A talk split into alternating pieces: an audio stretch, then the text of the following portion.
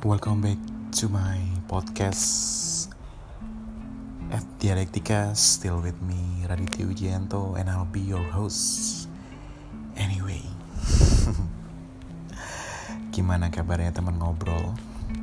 Di ujung tahun 2021 ini gitu Masih ada aja hal yang nyebelin.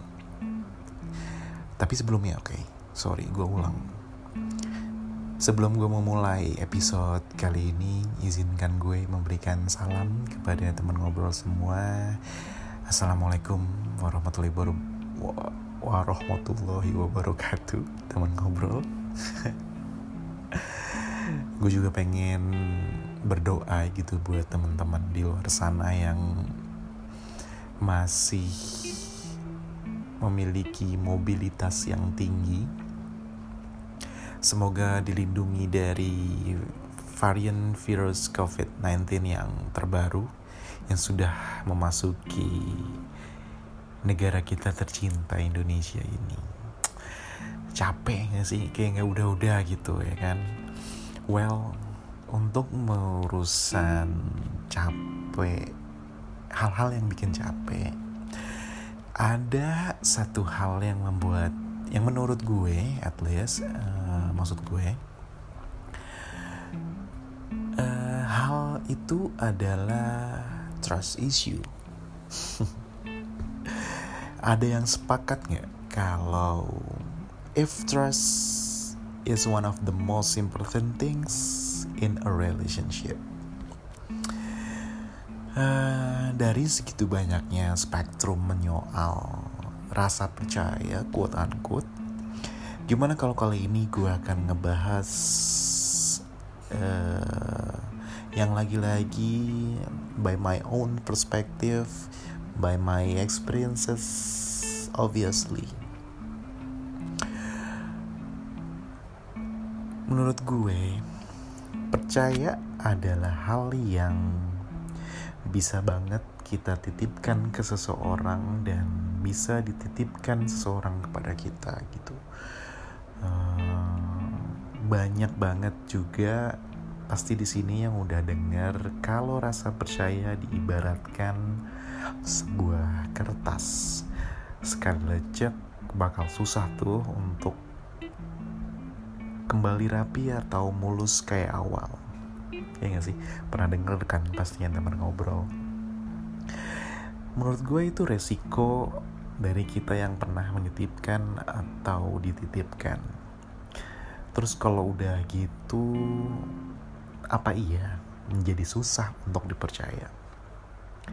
It depends menurut gue tergantung. Kadang di beberapa hubungan ada juga istilah yang sering banget teman ngobrol pasti denger. Istilahnya forgive but not forget.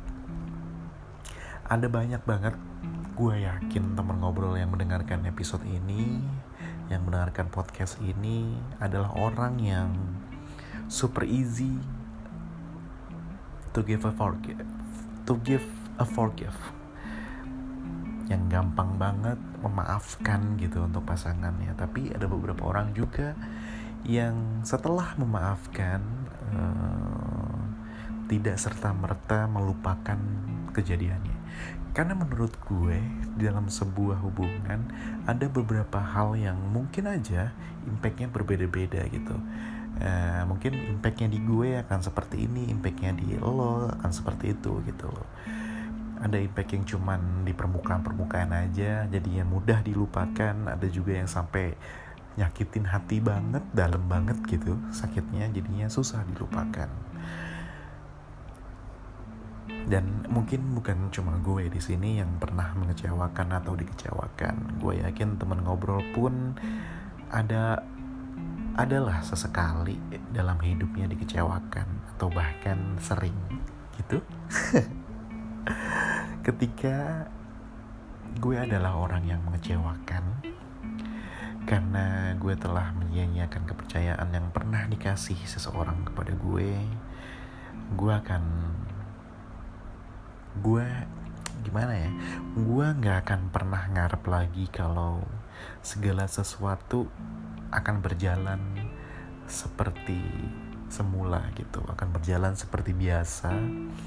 Pandangan pasangan gue akan memandang gue seperti sebelum gue mengecewakan dia gitu maksud gue. Karena otomatis semua akan berubah. Ada yang jadi berubah banget. Ada juga yang mungkin dengan toleransi yang dimilikinya tuh dia punya toleransi segudang gitu. Toleransinya dia sama pasangan dia tuh bener-bener tak terhingga. Jadi gampang aja gitu melupakan sekaligus memaafkan atau sebaliknya dan nggak sulit untuk dijalankan hubungan mereka gitu. Ada banget tapi untuk menghadapi seseorang yang sudah kecewa, apa yang baiknya kita lakukan?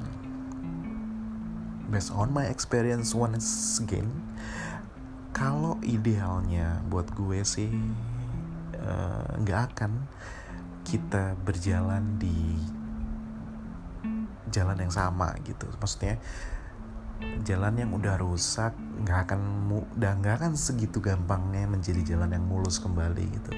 Ketika sesuatu sudah kita kecewakan ketika sesuatu sudah kita lakukan hmm,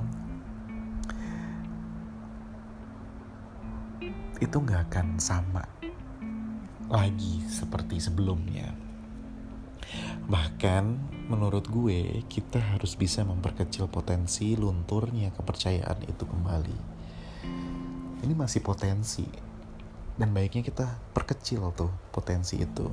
Untuk mendapatkan kepercayaan itu yang mungkin gak akan 100% kembali gitu loh. Tapi ya at least dengan usaha kita memperkecil potensi-potensi lunturnya kepercayaan itu by time gue sih berharap akan mendapatkan kepercayaan itu ya at least 99% mungkin. Karena ada satu persennya pasti ada kekecewaan yang mungkin by time baru bisa disembuhkan gitu. Uh, semisal dengan komunikasi. Menurut gue ya komunikasi adalah salah satu hal yang terpenting dalam hubungan. Selain kepercayaan itu tersendiri. Uh, dan apa aja yang harus dikomunikasikan dalam hubungan menurut gue adalah tergantung lagi. Tergantung seperti apa lo mengharapkan sebuah hubungan. Kalau gue sih baiknya apa pun ya apa pun yang terjadi ya diobrolin aja gitu. Baik itu kerjaan rencana ke depan apalagi kalau menyoal sesuatu yang dalam waktu dekat akan kita kerjakan ya mungkin cara yang gue tawarkan ini cara yang ribet untuk sebagian orang gitu. But remember ketika lo sudah menciderai sebuah kepercayaan dan lo masih ngarep semua berjalan normal kayak kertas yang belum lecek it's impossible. Menurut gue sih itu sesuatu yang nggak mungkin gitu karena ya gimana kita nggak bisa kontrol seseorang untuk kembali percaya sedangkan kita nggak ada usahanya untuk membuat orang itu kembali percaya sama kita. Lagian menurut gue apa susahnya sih tinggal bilang kalau gue mau pergi sama si itu gue mau main besok nih sama si Anu gitu. Atau ada kerjaan nih gue ke Bandung ke Medan ke Zimbabwe. But at least bilang gitu sama pasangan.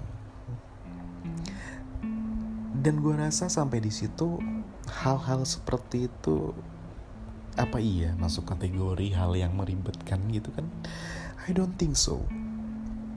Untuk sebuah hubungan yang mungkin direncanakan berjalan panjang hal-hal kayak yang tadi gue sebutin tuh menurut gue sih hal-hal yang harus dibiasakan apalagi buat seseorang yang sudah pernah ngelecekin kertasnya quote unquote nggak mesti juga harus jadi orang yang bentar-bentar foto selfie ketika lagi ada di mana bentar-bentar video call ketika lagi sama siapa. Menurut gue nggak harus seperti itu juga. Tapi at least buat pasangan lo tahu gitu. Menurut gue itu lebih dari cukup. It's enough I think. Tapi ya balik lagi. Sebuah relationship dua manusia itu nggak akan mudah dan nggak bisa make it sesimpel itu. Pasti ada penyesuaian ada aja dramanya gitu beda kepala lagi-lagi beda cara. Dan gue yakin nggak tiba-tiba cocok dengan mudahnya. Butuh proses butuh ribut.